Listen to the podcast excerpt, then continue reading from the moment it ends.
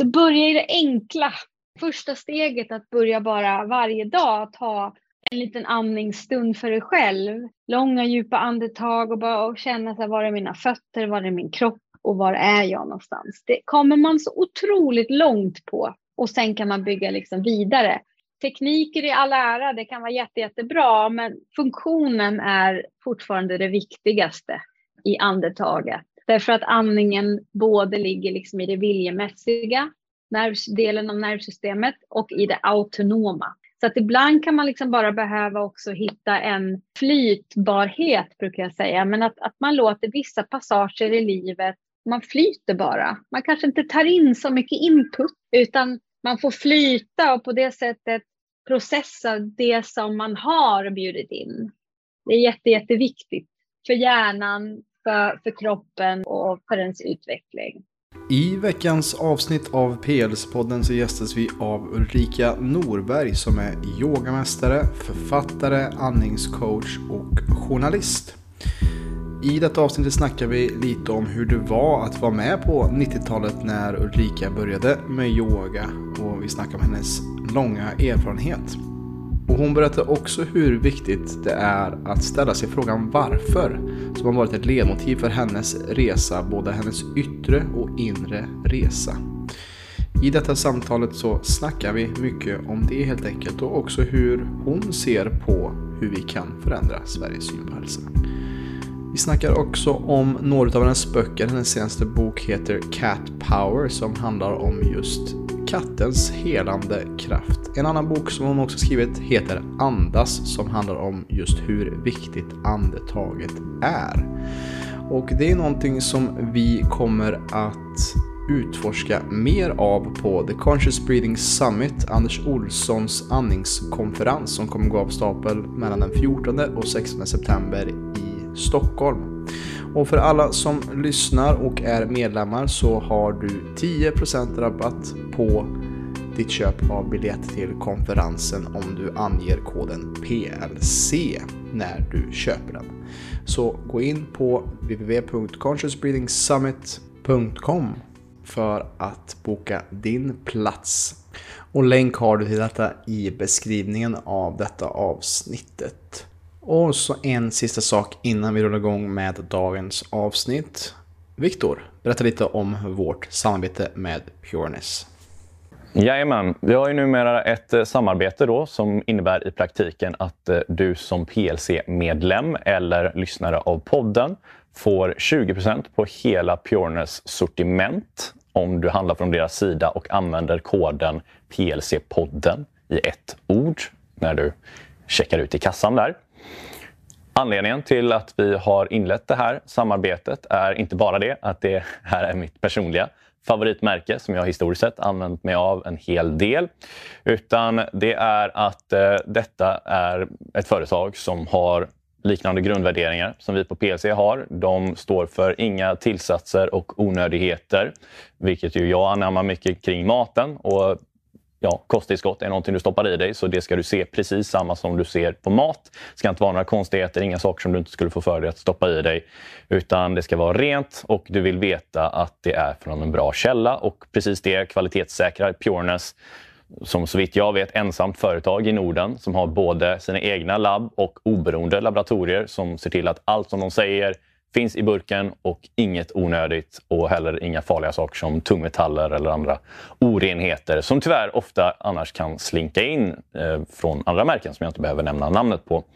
Men eh, numera har vi som sagt ett samarbete med detta härliga företag och eh, du som lyssnar återigen får 20% rabatt om du använder PLC-podden på pjornes.se. Hej och välkommen tillbaka till PLC-podden. Podden som förändrar Sveriges syn på hälsa med mig, Robin Hallsten. Veckans gäst är en eh, OG när det kommer till yoga. Det är en av Skandinaviens yogamästare, Ulrika Norberg, som också är författare, andningscoach, journalist och har många strängar på sin lyra. Välkommen till PLC-podden Ulrika. Tack snälla. Och som jag sa, du är lite en, en yogapionjär. Du har ju varit med sedan 90-talet när kanske yoga inte var så, eh, i ropet så att säga. Nu vet ju var och varannan person vad yoga är och kanske hur man gör lite grann. Hur var det där i början på 90-talet eh, att, att jobba med detta och vara en av de första som fick det att bli stort också i Sverige?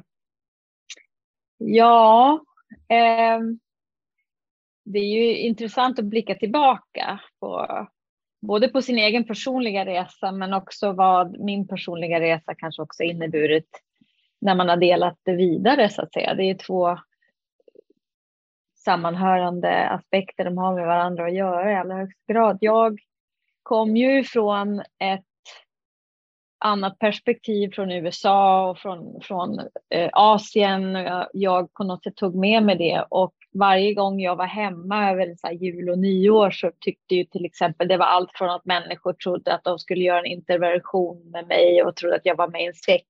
Och, och jag kommer ihåg det var en gång, jag kommer från Eskilstuna och eh, jag var hemma över jul och det kom fram liksom en, en kompis från gymnasiet och han var högst oroad över att jag kanske var för förlorad in i någon sekt.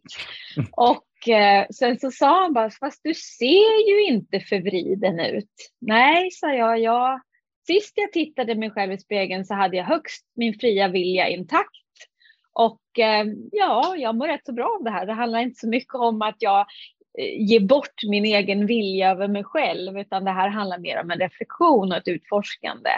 Och han eh, tyckte det var väldigt, väldigt intressant. Idag är han också yogalärare. Det var lite Aha. spännande. Ja. Så jag, tror att, jag tror att det där, äh, vi människor är ju oftast nyfikna och ställer frågor som kan ibland anses kanske vara som en stötande fråga. Men jag tror att det egentligen handlar om en nyfikenhet. Jag tror att egentligen så finns det en inre drivkraft i oss alla att vilja veta mer om oss själva och livet och och hur saker och ting hör ihop och, och så. Och det var där det liksom började för mig. Mm. Eh, sen så liksom i, i Sverige när jag kom hem från USA så var det ju liksom att många tyckte att nej men det där kommer aldrig, alltså den där praktiken, den kom, det är bara en trend i USA liksom och det kommer aldrig att slå här. Och, och jag sa för mig är det ingen trend, utan för mig är, handlar liksom om, om meditation och andningsträning och yoga snarare liksom att ett väl beprövat plugin-system som har hållits igång under tusentals år så att jag vet inte riktigt om jag höll med om att jag tyckte att det var en trend direkt.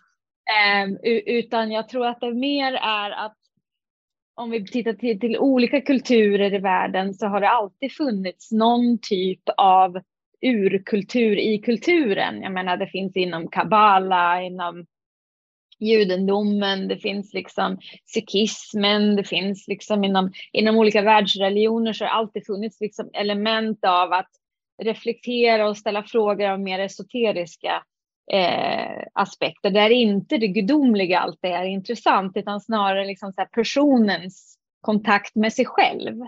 Eh, om vi nu kallar det för mysticism så höll ju Pythagoras på, de gamla grekerna höll på, Eh, egyptierna höll på, gamla romarriket. Så, att, så att jag tror att vi människor egentligen, vad yoga pekar på, det är att vi människor alltid har funderat över livet och oss själva och att försöka liksom förädla det vi inte, när vi kör ner i diket, liksom hur, hur vi kan komma tillbaka. Och, och, jag tror att, så att jag tror liksom att det här med yoga, att vi, försökte, vi försöker idag att, att, stoppa in det som en produkt. Jag tror inte att det funkar, jag tror inte att det är hållbart. För vi märker ju det så tydligt att folk liksom säger det här är yoga, det här är yoga, det här är yoga.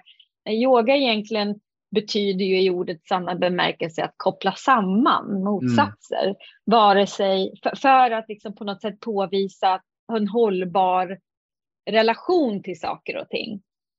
Sen att det uttrycker sig fysiskt, eh, psykiskt, andligt, själsligt, det har ju att göra med den här långa mångtusenåriga traditionen att man har tagit samma frågeställning in i flera olika dimensioner av mänsklighet och mänskligt växande och mänskligt varande.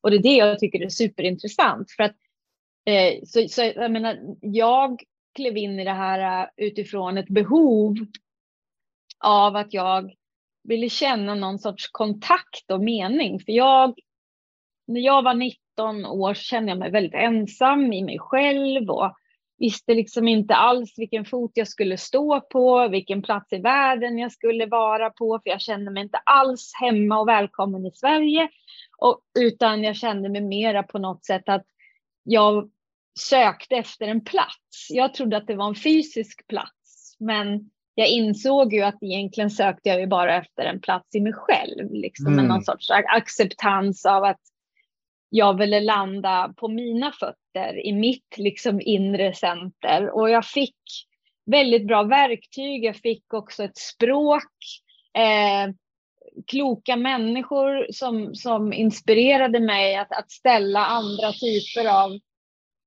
frågor om mig själv och världen.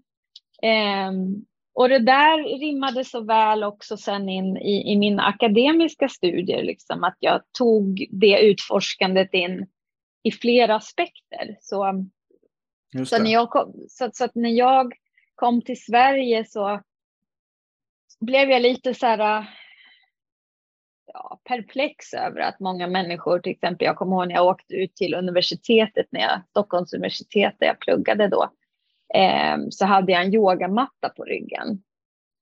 Och en så här yogamattsväska. Eh, och det var flera människor som var väldigt förbryllade över den här prylen jag hade på, på ryggen. Att, är du arkitekt? Nej, sa jag. Det, det, det, det är inte massa ritningar. Och, och någon frågade så här, spelar du trombon? eh, och, och så någon annan kvinna som jag kommer ihåg, en äldre kvinna, hon bara, vad är det du, ursäkta mig, men vad har du på ryggen? Då sa jag, mm. nej men det är en yogamatta. Oh, är det en yogamatta? Jag kommer ihåg när jag bodde i San Francisco på 60-talet. Jaså, började det komma hit? Liksom oj, och, och värsta roliga samtalen. Så att, då, då såg man liksom inte människor på stan med yogamattor och yoga ansågs väldigt världsfrånvändande.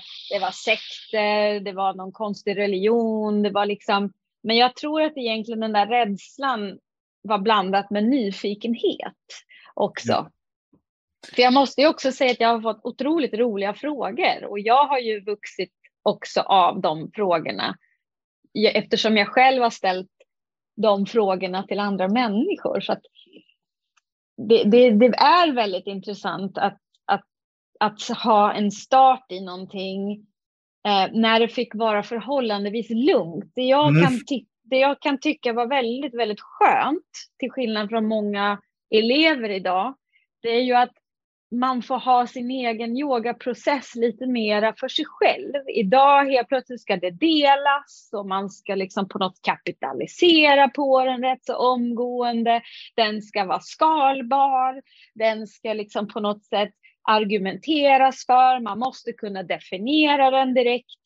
Medan jag hade kanske 15 år där jag liksom bara fick utforska för mig, så här, vad är det här för någonting? Och det fick vara både obegripligt och begripligt. Det fick vara fysiskt och inte.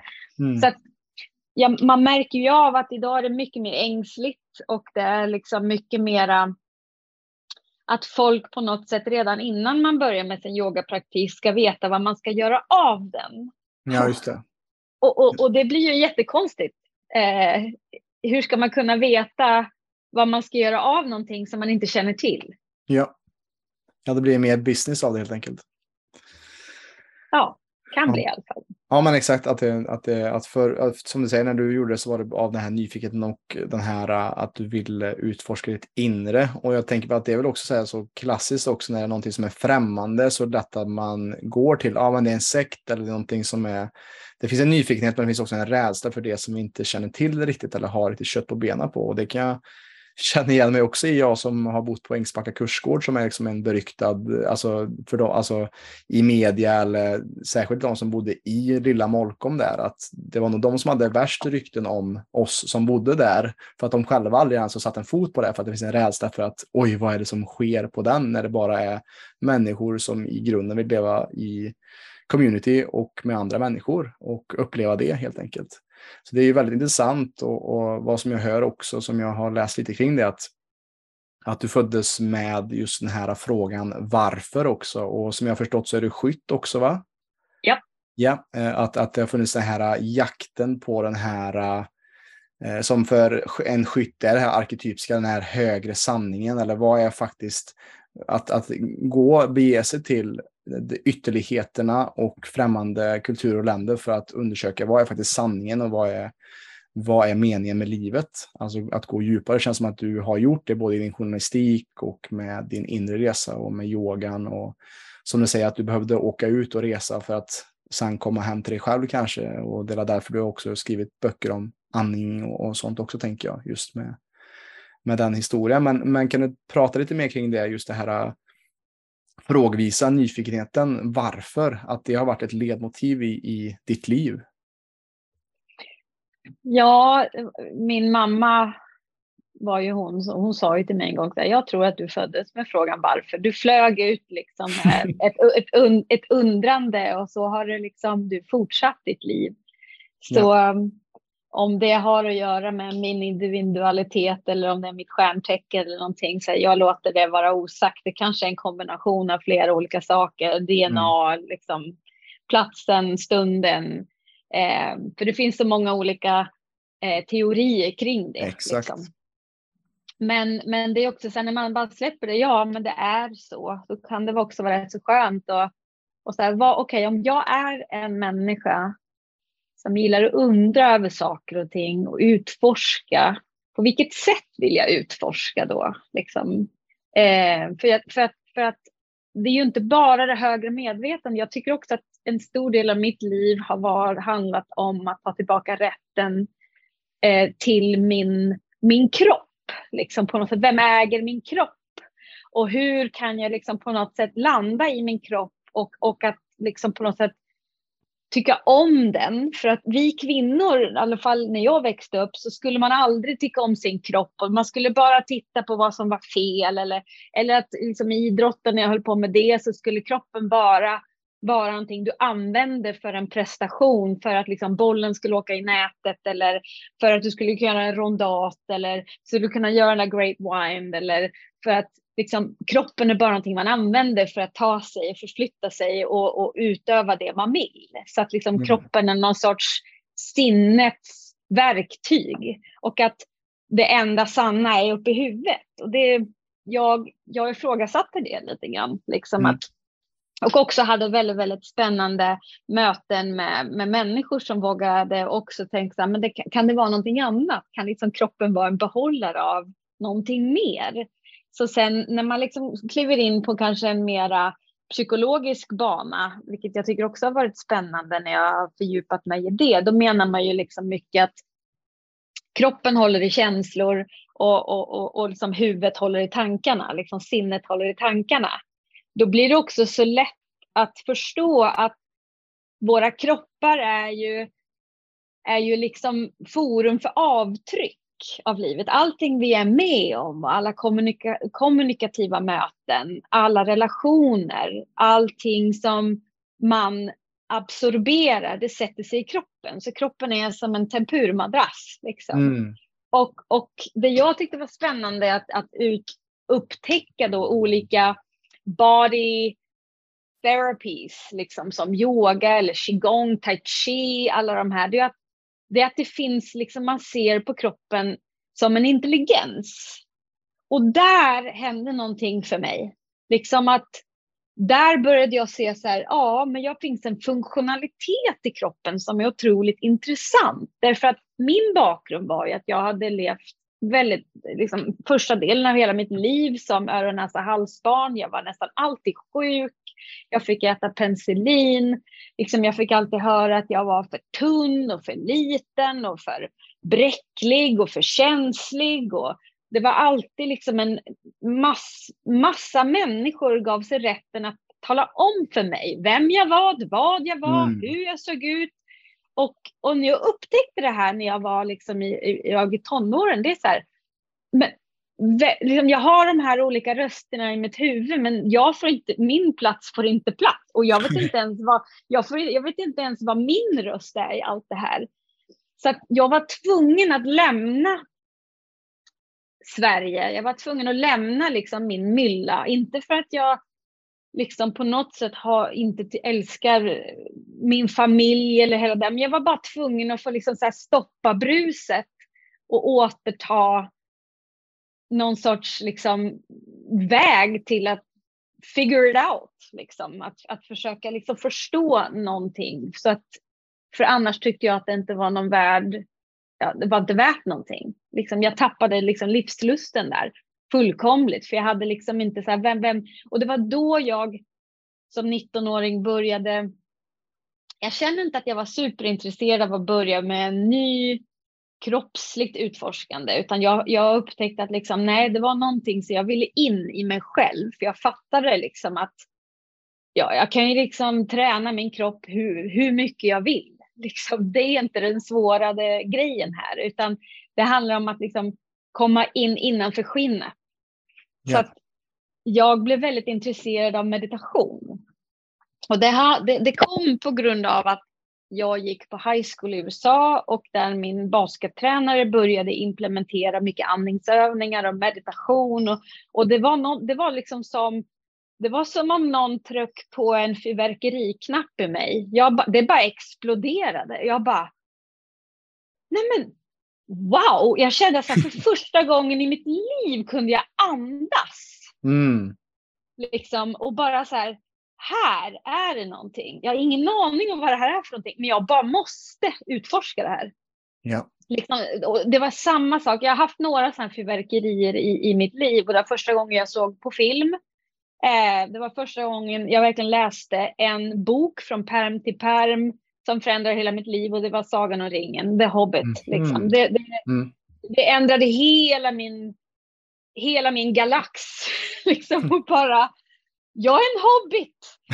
jag, jag, älskar två frukostar. Jag menar bara så här helt plötsligt att, att, att jag, det låter kanske jättekonstigt men, men att jag kände mer samhörighet med karaktärer som smurfar och E.T. och hobbits än, än vad jag gjorde liksom ibland med människor som var i min omgivning som hela tiden mm. bara sa så här, nej så kan man inte tänka, så kan man inte tycka och, och så här funkar livet, att nu ska du göra det här, sen ska du ha den här utbildningen, sen så bla bla bla. Och jag bara tänkte så här, says who? Så att den här lilla nyfikna personen, det är så här, men finns det inte andra frågor att ställa? Och andra vägar att gå framförallt. Och andra vägar att gå, precis. Så, mm. att, så, så att där i, i, i allt det där myllret av blixtrar och dunder och magiska under, då, då, då hände någonting liksom där att jag älskar ju att gå ut i naturen för jag känner att där får jag plats att liksom kunna filtrera mina tankar och mina galna idéer och, och, och bombastiska känslor och, och, allt vad det nu är. För att jag känner att det finns liksom en, en i, i naturen är ingenting artificiellt. Det är verkligt. Och, och, och, och liksom det är mer naturvetenskapen som får råda där. Och, och mitt i det så finns det liksom någon sorts kvantverklighet av, av besjälning. Och där kände jag att den här inre och yttre dimensionen möts. Att själ, kropp, sinne får mötas i naturen. Så, att, så att jag använde väldigt mycket av den kombinationen väldigt tidigt. Liksom att jag utforskade meditation och andning. Och sen liksom min kropp via yoga och andra saker. Och sen tänkte jag att jag fortsätter ju där och traska på. Mm. I, och så, så får vi väl se vad jag hittar. Jag började inte liksom mitt utforskande alls med att här, jag ska bli yogalärare, jag ska bli andningscoach, jag ska bli meditationsmaster. fanns liksom inte det. Det var, det var inte ens liksom en del av min verklighet, utan där, där jag var var liksom så här, jag vill bli journalist, jag skulle kunna tänka mig att åka ut i i, i liksom skyttegravarna och, och, och, och, jag skulle vilja liksom utforska och, och, å andra sidan skulle jag vilja liksom jobba med, med någonting kreativt. Men jag vågade inte lita på den rösten. Eh, den här att jag skulle liksom, för jag kom inte från någon konstnärsfamilj. Min pappa och mamma var inte regissörer. Det fanns liksom ingenting sånt att ta på. Så jag trodde aldrig att jag hade något mandat till, till det. Så det som också var spännande i det här utforskandet, det var ju att drabbas av hårda insikten av att jag kompenserade eh, en hel del liksom på olika sätt i mitt liv. Liksom att det kunde allt vara från underdrift till överdrift. Det kunde vara liksom att, att, att bara fly ifrån och bara släppa. Nej, nej, nej, men gör det ni. Liksom. Så här, jag, jag går åt det här hållet. För jag kände inte att jag hade någon rätt till den gemenskapen. Um, så att jag, jag var tvungen att gå in rätt djupt i, i ett självutforskande av det här med vad är det som gör att jag känner mig så ensam hela tiden? Mm. Vad är det? Vad handlar det om? Liksom, så, att, så att frågan har alltid fått vara det som har lett mig till att utforska och hitta böcker, personer, traditioner, tekniker. Att det är, det är mer frågestyrt, alltså mer inquiry-based. Ja. Eh, och, och, och, omedvetet av att det var så det var förstår jag ju idag när jag har liksom mycket, mycket mer liksom, kunskap om strängarna på min lyra. Att det är egentligen så jag har gjort i hela mitt liv. Mm. Att, att jag, det utforskandet som, som har gjort att jag tagit mig fram. Så att jag skrev en hel bok om det här med nyfikenhet. Liksom för, och, och, och det är ju liksom ett litet testamente och kanske förhoppningsvis så finns det fler som jag som, som, som lever i den verkligheten att folk talar om vem du är, vad du gör och hur du är och vad du inte är. Jag fick alltid höra så här, måste du vara så himla nyfiken?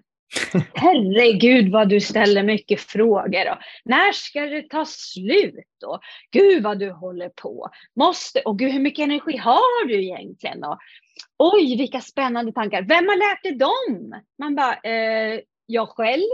Mm. Jaha, nej men då, då kan vi inte lita på det, för det är inte evidensbaserat. Nej, det har jag aldrig sagt heller, liksom, utan det är ju mina tankar. Så, att, så att det har också varit spännande eftersom då när jag gav mig in liksom lite mer i den akademiska världen och var där i väldigt, väldigt många år så det var ju som, ett, som en godisbutik för mig. Mm. Liksom, och, och jag hade väldigt svårt att avveckla mig själv från, från mina studier. Eh, men även där var det så att jag läste sociologi och filmvetenskap och min pappa sa så här, men vad ska du göra med filmvetenskap? Vad blir man på filmvetenskap? Nej, jag har ingen aning, men det här är det roligaste jag har gjort i hela mitt liv. Yeah. Så att jag jobbade helger och kvällar och nätter för att liksom försörja mig själv, för att på något sätt liksom försörja min vision. Jag, jag hade ingen aning, jag hade ingen mål. Men jag var, det var som att jag var tvungen att göra det här, liksom för att ta tillbaka rätten till mig. Annars, annars fanns det liksom ingen mening, annars kunde jag lika gärna lägga ner. För, att, för det var där jag var. Att, mm. Nästan som att jag kämpade mot en klocka, så här, att om jag inte gör det här tar jag livet av mig. Och det var så hårt i mitt liv att jag kände att jag har inte en plats, jag måste hitta den själv. Liksom. Så att, och det var asjobbigt i många, många år. Men jag gjorde det. Så liksom jag, jag, jag, jag, tog mig, jag tog mig hela vägen liksom till en, mm. två examina. Jag är jättestolt över mig själv över det. Liksom. Mm. Och, och det, det, är också en sån otrolig träningssak för mig. Att stanna upp och hedra, hedra mina bedrifter, för jag är värdelös på det. Jag, jag går gärna liksom så här swipar direkt. Okej, okay, nu har vi gjort det. Så här, vad finns det mer? liksom, va, oh, liksom, så att, jag vet i alla böcker och så där som jag har skrivit så, så är det ju några av mina förläggare, då, de försöker att bara säga okej okay, Ulrika, du kanske ska träna lite på att stanna upp och så här, fira dina, dina böcker. Ja, det kanske jag ska. men, men det där kan också vara en akilleshäl när man, när man är liksom skolad journalist. För då kan det också bli så när du har gjort en artikel så, liksom, uff, så skickar du iväg det och så tar du liksom nästa projekt. Ja.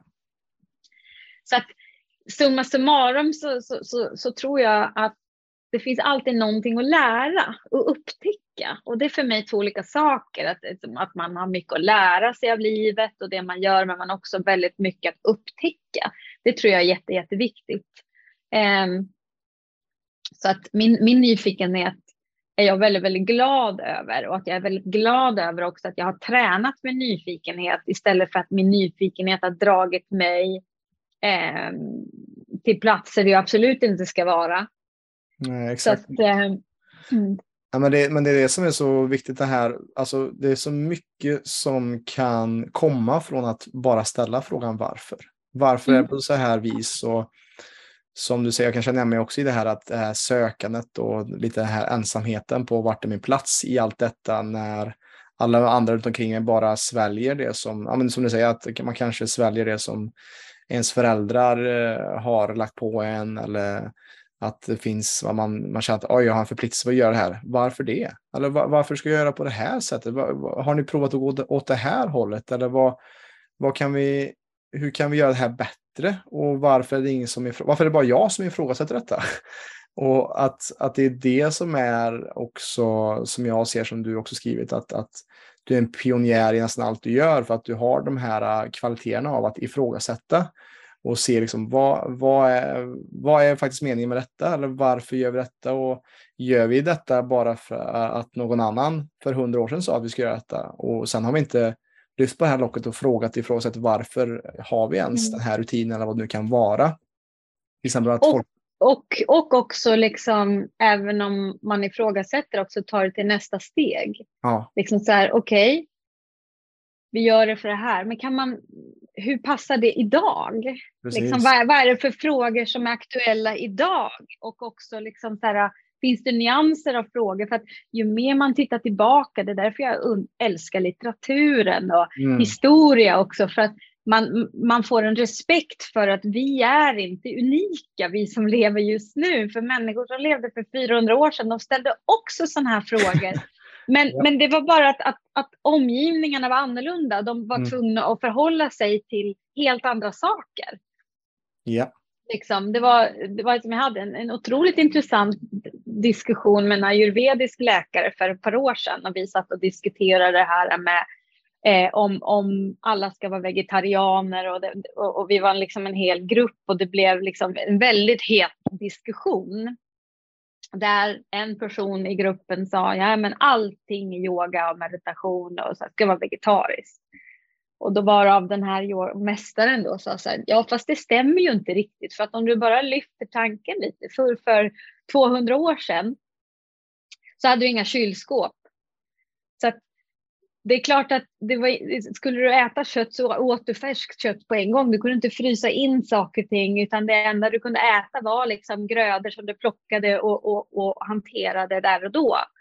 Eh, men ju, ju, fler mänskligheten har blivit så har vi varit tvungna att, att mätta munnar. Så vi har egentligen gjort de här äh, valen och, och, och, satt det i system och industrialiserat det. Och först nu kan vi ju sitta och reflektera över fler saker. Men då, då behöver man, man kan inte bara titta framåt och, och titta så här, det här måste vi göra för att lösa det, utan vi måste också titta på var kommer det här ifrån? Alltså vilka projiceringar är det vi jobbar med?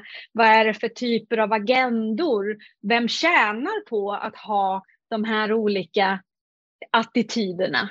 Ja. Och hur har det sett ut sedan tidigare? Alltså lyfta in hela begreppet. Så det menade han att, att det är en yogisk fråga. Att du, du, du, du får upp ett problem till exempel eller ett betraktande och så tittar du på okej, okay, hur, hur kommer det här att bli i förlängningen och vad blir det med energin hela vägen? Är det inclusive eller är det att du pushar, pushar iväg? För att ingenting i den yogiska diskussionen har att göra med att, att, att vi ska bli världsfrånvända, utan snarare tvärtom.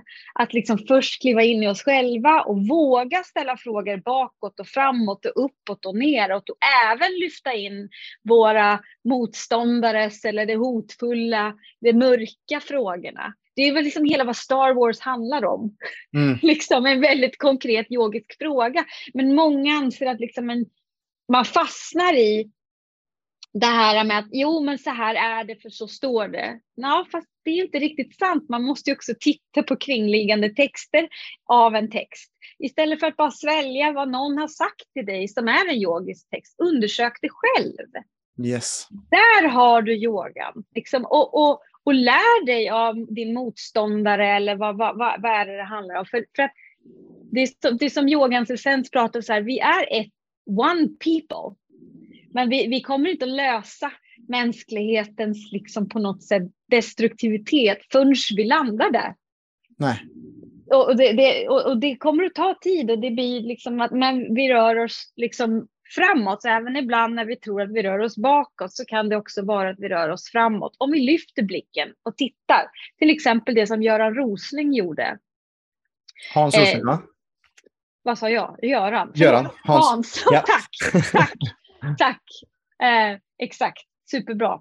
Ja. Men, men som han också gjorde så att, att, att det handlar rätt så mycket om all fakta som man har, undersök den. Ja. Och var kommer den ifrån och, och, och har den en agenda och eh, stämmer det till exempel? Eh, och så, det, så det, jag tror att det är en av de här anledningarna till att jag tycker till exempel att hela den här andliga världen, den spirituella världen, eh, har otroligt mycket att ge den, den mera vetenskapliga och tvärtom. Mm. Att den vetenskapliga kan ifrågasätta och sticka hål på alla de här olika föreställningarna som cirkulerar och som ibland blir, blir världsfrånvänt och personfrånvänt och där vi ofta ser att eventuella övergrepp kommer in på en själv eller på andra. Just att man börjar bara replikera trosuppfattningar.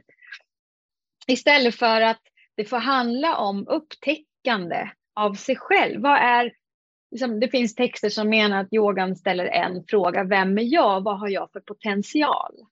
Och i det utforskandet kan du liksom eh, titta på hur, hur, din kropp, vad din kropp mår bra av, av att både liksom jobba med kontraktion, expansion och rörelse, inåt utåt rotation, stabilitet, mobilitet, för att liksom hålla kroppen, ditt, ditt, ditt, eh, din farkost viril och vital helt enkelt.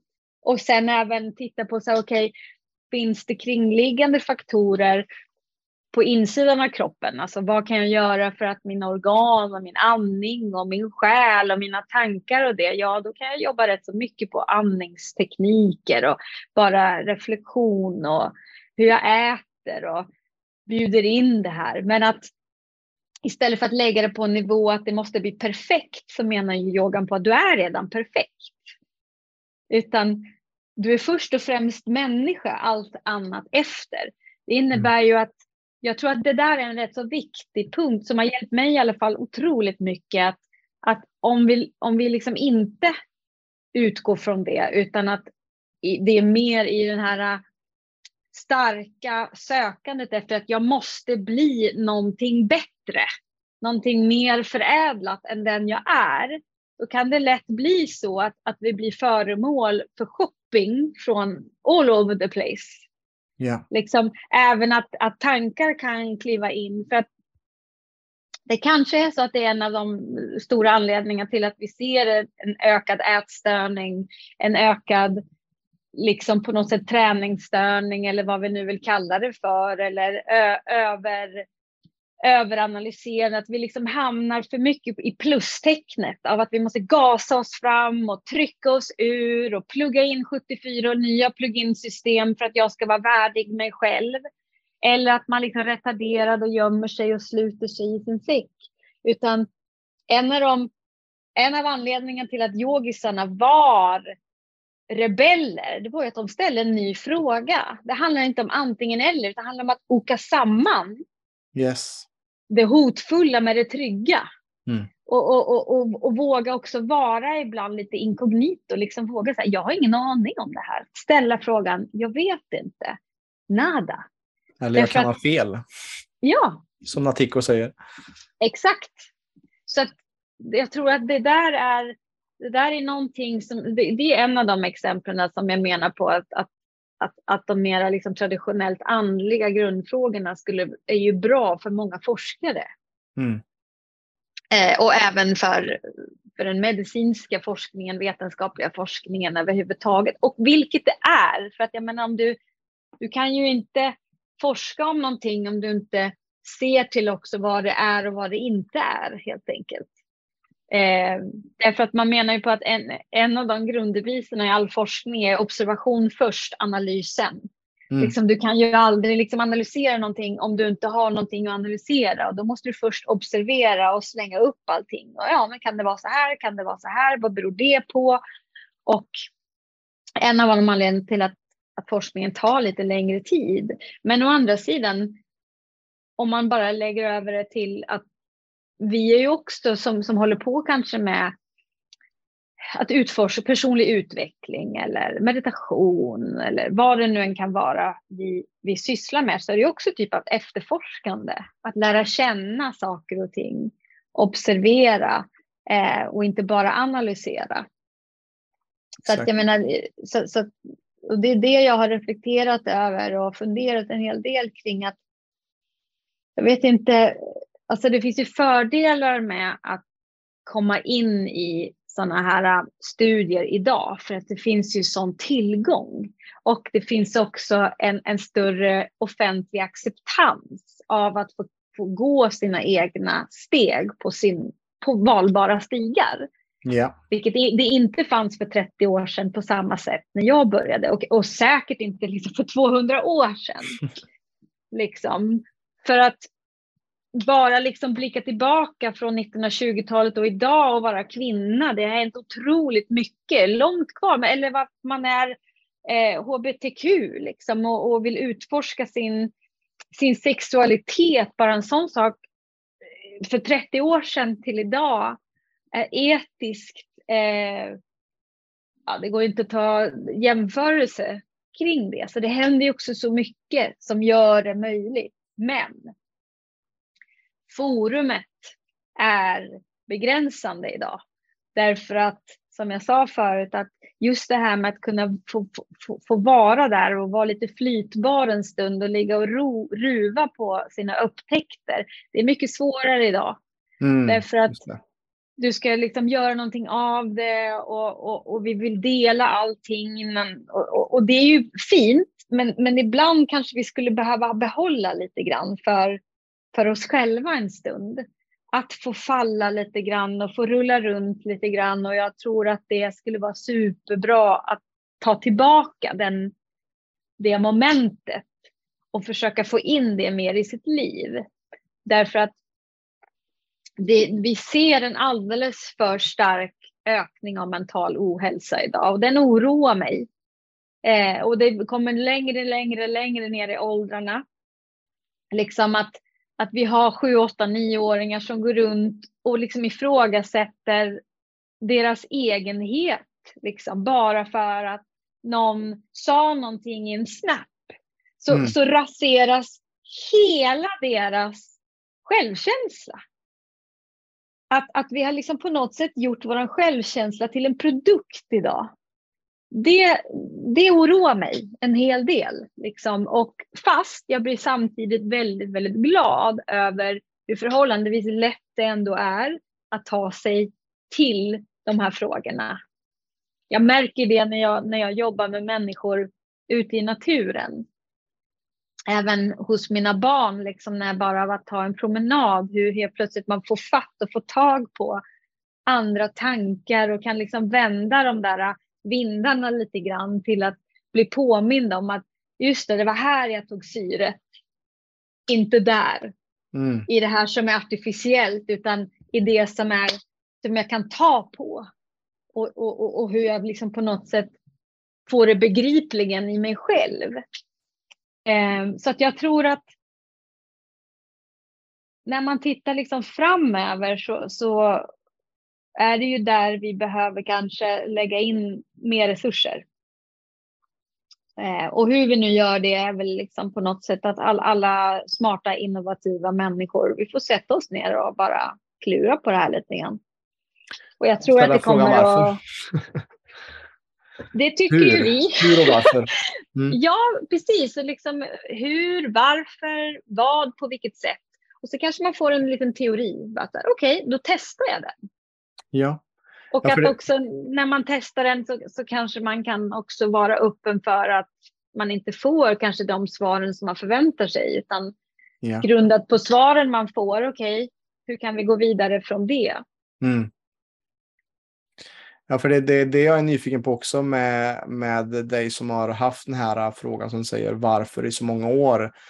Vart är du just nu? Vad är det du ifrågasätter idag? Och vad tänker du också, vi är inne på det just nu lite, vad, vad ser du är motgiftet mot den ohälsan och hur skulle vi kunna förändra vårt syn på hälsa och hjälpa till exempel våra unga som är de som nästan faller mest illa just nu när det kommer till mental och psykisk ohälsa. Vad, vad, vad ifrågasätter du just nu och hur tror du att vi kan bli bättre på att förbättra just vår hälsa och även de ungas hälsa? Ja, det är en rätt så komplex fråga, men, men mm. Ehm, jag tror att i grund och botten så behöver vi jobba mycket med att blanda våra dagar med olika saker. Både liksom det här med att vara... Vi lever ju liksom i en väldigt digitaliserad värld. Och jag ser inget fel med det. Eh, därför att det är dit hän vi går. Liksom. Mm. Vi, vi, har ju gjort det här. Vi har liksom, det, det här är någonting som vi, våra nyfikenhet och våra drivkrafter, det finns mycket positivt med det av, av den teknologiska framfarten. Men för att vi som biologisk art ska hinna ifatt och göra det här äh, digitaliserade ännu bättre så tror inte jag att, att, att digitalisera det och ännu mer att bara frånta alla biologiska reflektioner och, och mänskliga fel. Utan jag tror ju också, om man ska liksom titta på vad är det som har gjort skillnad för världshistorien, så är det ju våra misstag. Och idag försöker man sudda ut misstagen för att liksom algoritmerna ska flytta fram och AI ska ge och det ska tas bort alla typer av buggar i systemen. Men jag tror pandemin eh, och, och, kanske allt det som har hänt har också börjat lärt oss att vi behöver ibland lite buggar i systemet. Vi behöver lite skit under naglarna. Vi, mm. vi, kan inte ha det här tillrättalagda hela tiden, för det är ingen som klarar av det. Vår art står inte ut. Liksom, vi blir instängda. Vi behöver också känna de här vingarna, komma ut i naturen. Så att jag tror att just blanda är väldigt viktigt. Att, och också med våra unga, att vi som är vuxna ser mycket högre på deras, deras egna resurser istället för att tala om för dem hela tiden hur allting är. Ställ frågor till dem. Vad tror du om det och hur skulle det kunna bli och vad behöver du veta? Liksom lite mer stöttande frågor och, och också kanske liksom att, att, att vi som vuxna behöver ju titta på våra beteenden. Vi kan inte stå och säga till dem så här, nej men du håller inte på med det här och gör inte så, om vi själva gör det. Så att jag har ju en 16-åring hemma och en 12-åring och det jag brukar säga det, det är mina bästa lärare. Ja. För, jag, för jag åker på stenhård pisk liksom direkt när, jag, när, när jag säger någonting och så, så vänder de lite på huvudet och bara eh, titta på dig själv. Liksom ja. ungefär. Och bara, ja du har ju helt rätt. Men så tack vare dem så har jag, så jag bara tänkt att man kanske ska säga det på något annat sätt. Så brukar jag säga så här, ja men vad ska vi göra åt det då? Om jag gör så här och du gör så här och vi inte mår bra av det, vad skulle vi kunna göra annorlunda? Och helt plötsligt när jag använder den approachen, då blir de superkreativa. Ja, man kanske skulle kunna göra så här och så här och så här och bara, det är ju briljant. Ska vi prova? Och så testar vi och så helt plötsligt så blir det mer kärleksfullt och vi, det blir liksom en bättre relation av det. Så att jag tror att jag, jag, jag, jag tror att liksom mycket har lärt mig vissa saker, insikter i livet och det är just det här med att förena samman och vara inte så rädd för att inte veta svaren på alla frågor. Det finns liksom tusentals frågor som jag ställer idag som jag aldrig kommer få svaret på. Och det kanske inte är svaret i sig som är det viktigaste, utan kanske vägen mot någon sorts insikt. Det kanske är vägen till en insikt att nej, svaret förändras hela tiden beroende på. Mm. Men att, att det är resan i sig som är så otroligt intressant. Eh, men, men jag tror också att, att själva den, det utforskandet är rätt så viktigt för oss inom mängder av områden eh, av, av, av, av, mänskligt varande och görande. Allt ifrån liksom politik till ekonomi till hälsa till mat. Och vi har så många utmaningar, väljer många människor att se det som. Att vi står i en tid när vi har många utmaningar. Men man kan också välja att se det som att vi står i en av de mest kreativa punkterna i mänsklighetens historia. Precis. Sällan har det hänt så mycket, så fort och så snabbt. Så att idag är det kanske början på precis det vi ska ha. Så att, så att just det här med att du och jag sitter här och pratar eller att, att vi börjar för första gången på, på, på mycket, mycket länge titta på mörker, titta på skavigheter, ge det, eh, ge det ord, ge det system, ge det förfogande att människor faktiskt kan börja få göra någonting av sig själva. Istället för att ett system eller en trosuppfattning ska komma in och tala om för dig vem du är och vad du gör. Ja, det är väldigt osäkert. Ja, det kan vara ängsligt. Men jag väljer att se det lite grann som spännande. Ja, och, och leva i att livet är ett mysterium lite grann. Att, att vi inte kan, det finns inga garantier och det är ju det som också är just varför jag också jobbar mycket med andning och den biten också är att ingenting, alltså ett av mina favoritcitat som jag brukar säga är relax, nothing is under control. Och det är bara se på till exempel coronapandemin eller vad det nu kan vara, att alla de här planerna som vi gör i våra liv och, och allting som vi planerar på en vecka, hur mycket blir faktiskt som vi tänkt och hur mycket blir helt tvärtom. Och att vara öppna för det här mysteriet som livet ger och att som du säger att den här vägen till det här nya svaret är viktigare än själva svaret i sig för att frågan kanske ändrar sig på vägen dit. Alltså vad, mm. att vi utvecklas och ser att aha, det var faktiskt inte det här som var grundproblematiken, att vi måste gå ännu djupare in i det här sidospåret. Men när vi är låsta fast vid att målet är att vi ska nå hit, då är det lätt att man kanske glömmer bort det här vackra som är i det periferia, som jag brukar, brukar också dra en liknelse där med det sympatiska och parasympatiska nervsystemet, att när vi är liksom i kampflykt så är vi lätt att vi är tunnelseende och vi ska bara dit, vi ska bara fram. Men när vi är parasympatiker så slappnar av så kan vi se mera mm. åt sidan och se allt det vackra runt omkring också eller kanske se en annan väg som någon inte ens mm. har utforskat för att ingen har ställt den här frågan. Varför? Eh, eller hur? Eller vad kan vi göra istället? För att man är så låst vid en viss, eh, en viss linje. Ja. Jo, men jag, jag brukar ofta säga att eh, det blir aldrig som man har tänkt sig, men det blir som det ska vara. Ja, exakt. Mm. Och nu, nu kommer en liten kisse här som eh, tycker att det var bra. Nej, men liksom jag, jag, har, jag har lärt mig, eller min egen strategi, eh, och jag tycker att den funkar rätt så bra, och den har gjort det än så länge, att, att man behöver en liten tribe mm. eh, av eh, stöttande ja, människor eller djur. Och för mig är liksom djur en, en del av min tribe. Mina två små katter eh, som du ser här, eller hör, kanske, ni kanske hör att de spinner mm. rätt så mycket. Mm.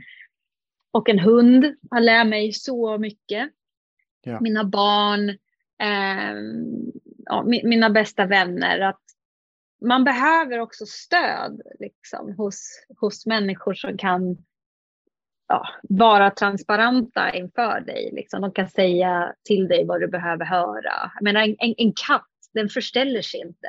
Det är det jag gillar med katter. Jag tycker de är, de är läromästare på så många fantastiska sätt. De är så resilienta. Liksom en katt skulle aldrig falla sig in och bara ja, men varför ska jag göra sådär? Jag, nu, nu utforskar jag det här eller nu ska jag lägga mig, jag behöver sova, så ska jag sova. Det skiter jag fullkomligt i om vad, vad du ska göra. Eller nu ska jag testa här och leka lite för jag ska hålla mina muskler intakt. Och, ja, men jag vet att jag landar på fötterna. så, att, så att säga. Så, så har de ju den här fantastiska spinn eh, reflexen i sig. Att de kan liksom spinna i så mängder av olika frekvenser. Och det där är ju superläkande, inte bara för dem själva utan även för, för människor. Så att, eh, katter har jag fascinerats över i hela mitt liv. Och eh, de är så himla bra vänner.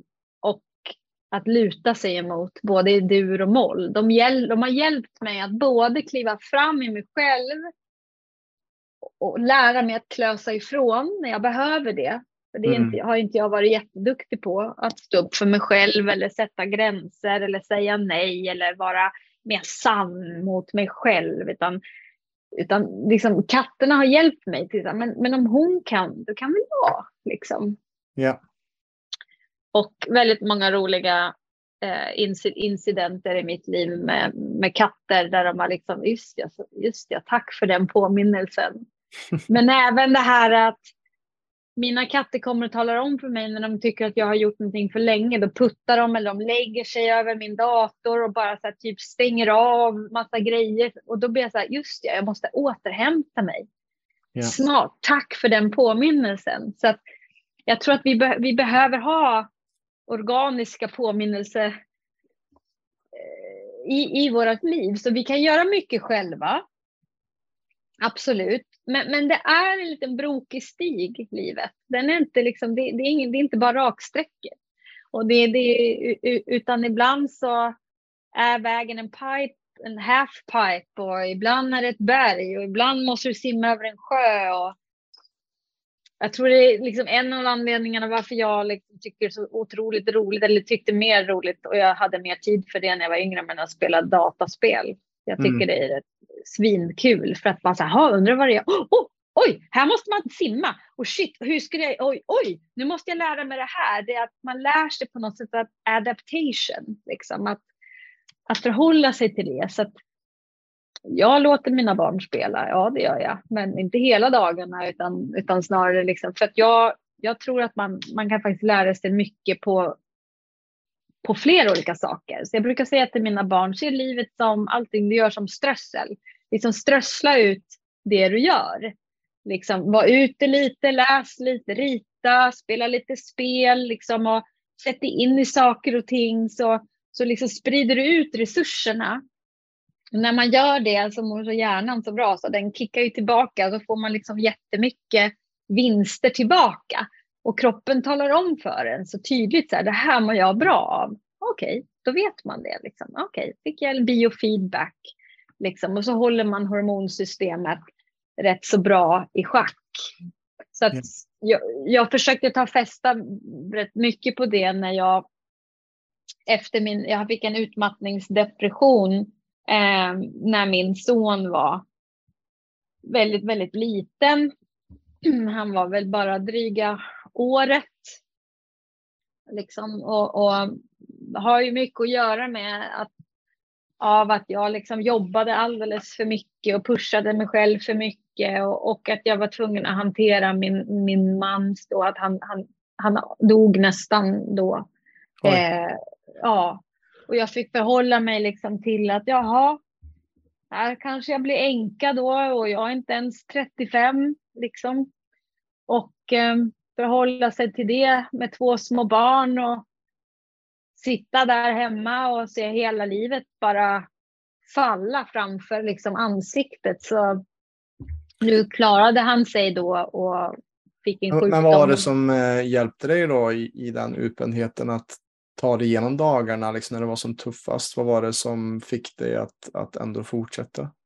Innan vi får svaret på den här frågan så har Jonas ett par ord att säga till dig som lyssnar just nu. Hej allihopa! Jonas här. Då jag vet att många i samhället upplever utmaningar kring sin hälsa men inte riktigt fått hjälpen de behöver så har jag lagt upp ett kostnadsfritt webbinar för dig som inte är medlem. I detta webbinar kommer jag prata om vanliga grundorsaker bakom konstant trötthet, låg energi, sömnsvårigheter, magbesvär och värk. Och du kommer även få mer info om hur vi på PLC jobbar för att åtgärda detta. Du hittar mer info om webbinariet i beskrivningen till detta avsnittet. Men med det sagt så tackar jag för mig. Tillbaka till dig Robin. Ja, jag hade aldrig fortsatt om jag inte hade haft mina barn. Mm. Det, var, det var så verkligt för mig. Eh, och jag känner att mina barn och mina djur lärde mig att bara så här, du ger inte upp. Livet är värt att kämpa för. Om inte du kämpar för dig själv, kämpa för mig. Det var liksom att man ibland behöver man behöver ha någonting annat att kämpa för mm. istället för att bli så otroligt lost i sin egen, liksom så här, det här vill jag göra med mitt liv och det här ska jag bli. Utan ibland kan det vara bra att ha någon annan. Det är som i, där och då kommer jag ihåg att jag, jag läste en väldigt bra bok som handlade rätt så mycket om män och, och kvinnor i skyttegravarna och skyttlinjen och liksom längst ut och den var en, en, en av karaktärerna sa till den andra karaktären att när de kom tillbaka, liksom, att ja, hade jag inte haft dig vid min sida att strida för hade jag gett upp för länge sedan. Mm. Lite, lite som ja, nej, Tom Cruise i Top Gun och, och när Iceman säger you can be my wingman anytime. Liksom. Det här med att hela livet, jag tror det är superviktigt att att, in, att våga lätta på den här ensamheten, våga dela det med människor runt omkring sig. Att jag, jag fixar inte det här, jag behöver hjälp ibland. Eller ja, men jag, jag hjälper dig här, du lutar dig på mig en stund. Så. Det där ömsesidiga, jag tror att man, när man kanske har fått, fått den, de relationerna tilltufsade i sitt liv så är det svårt att ha den tilliten till någon annan. Men det gör ju också att man har brist på att ha tilliten till sin egen förmåga. Så att jag kände där och då bara så här, nej vänta nu här, vad är det jag har för tekniker att förlita mig på här?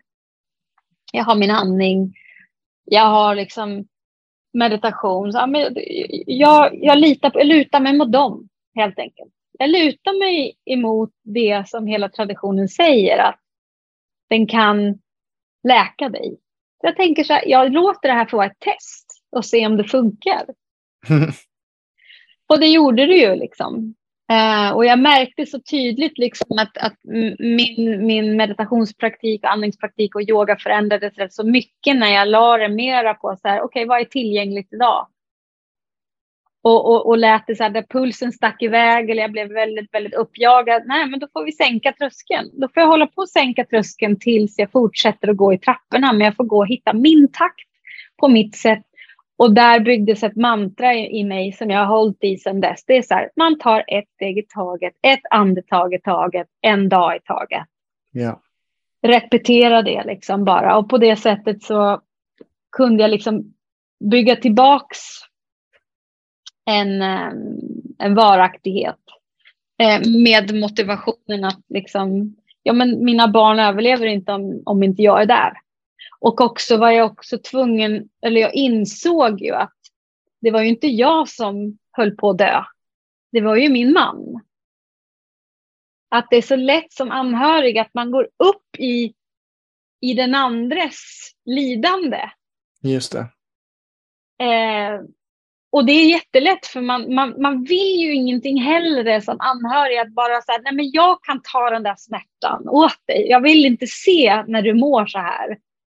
Att, att det är full, fullkomligt mänskligt och då, då kan det bli väldigt lätt att man börjar späka sig själv liksom bara för det. Och, och jag gjorde det. Jag kände att jag tappade bort mig själv fullständigt. Jag visste liksom inte.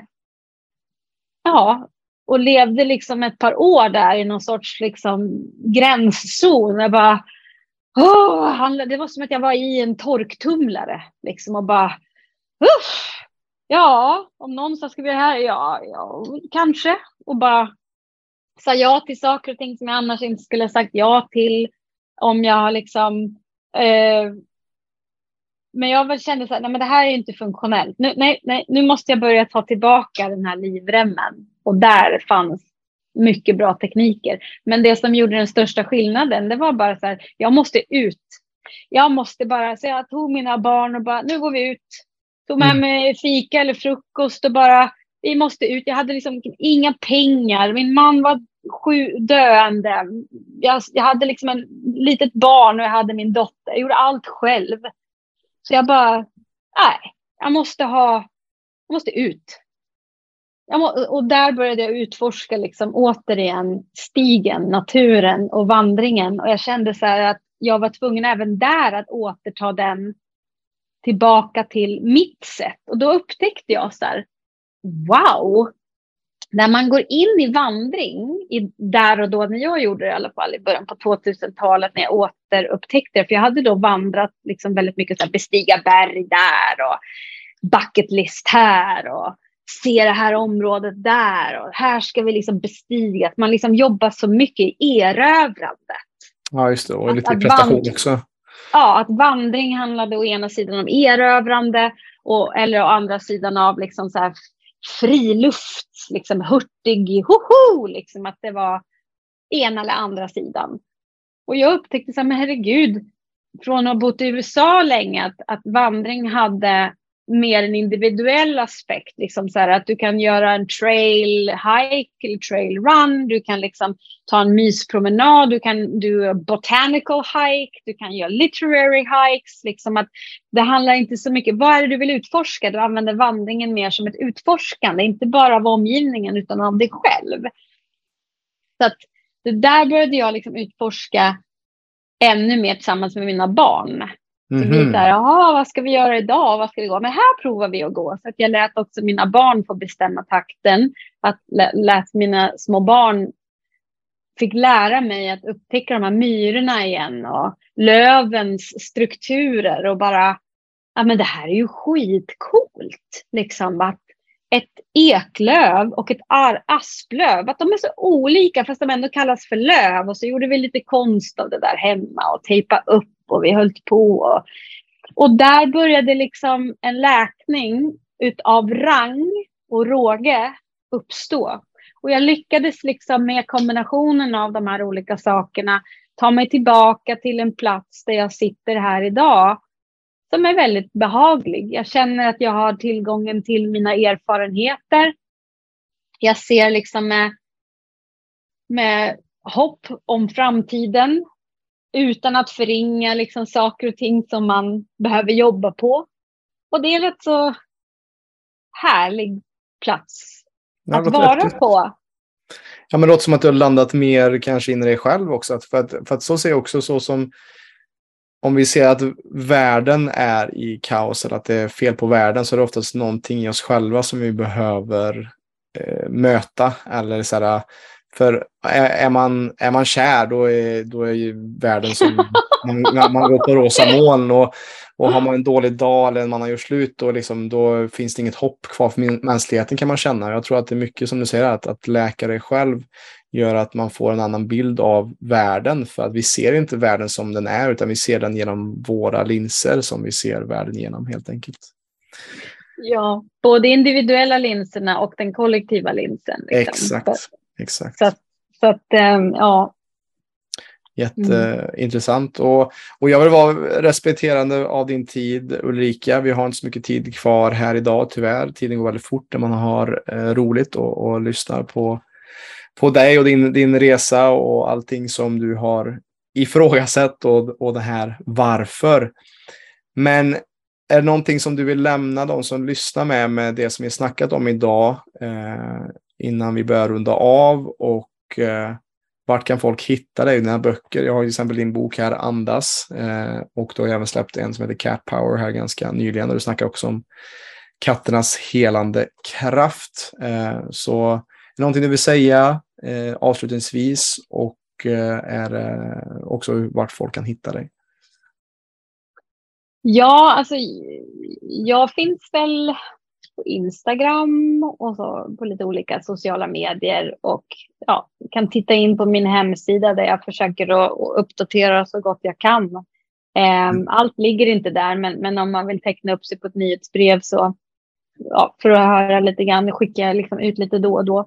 Ja. Men, det, men, men jag tänker så här att är det någonting som jag vill säga till människor, det, det, det är liksom några saker som man kan reflektera över. Och en reflektion som jag anser, det är ju det här med att vi lever nu i en väldigt stor andningsfascination över andetagets betydelse. Och man, biohacking har fått en enorm uppsving, det här med att kunna liksom ta tag i sin egen hälsa med, med olika små spännande plugins. Liksom. Så, så vill jag bara lyfta upp en idé där man så här, vem äger och vad äger ditt andetag?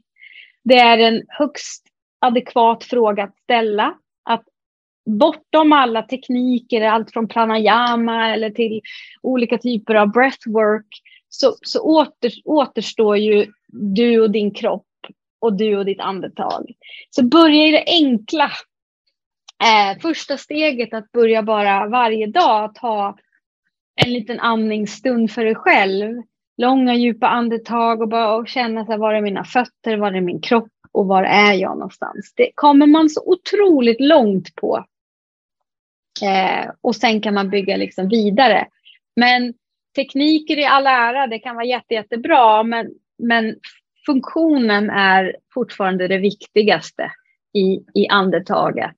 Därför att andningen både ligger liksom i det viljemässiga, delen av nervsystemet, och i det autonoma.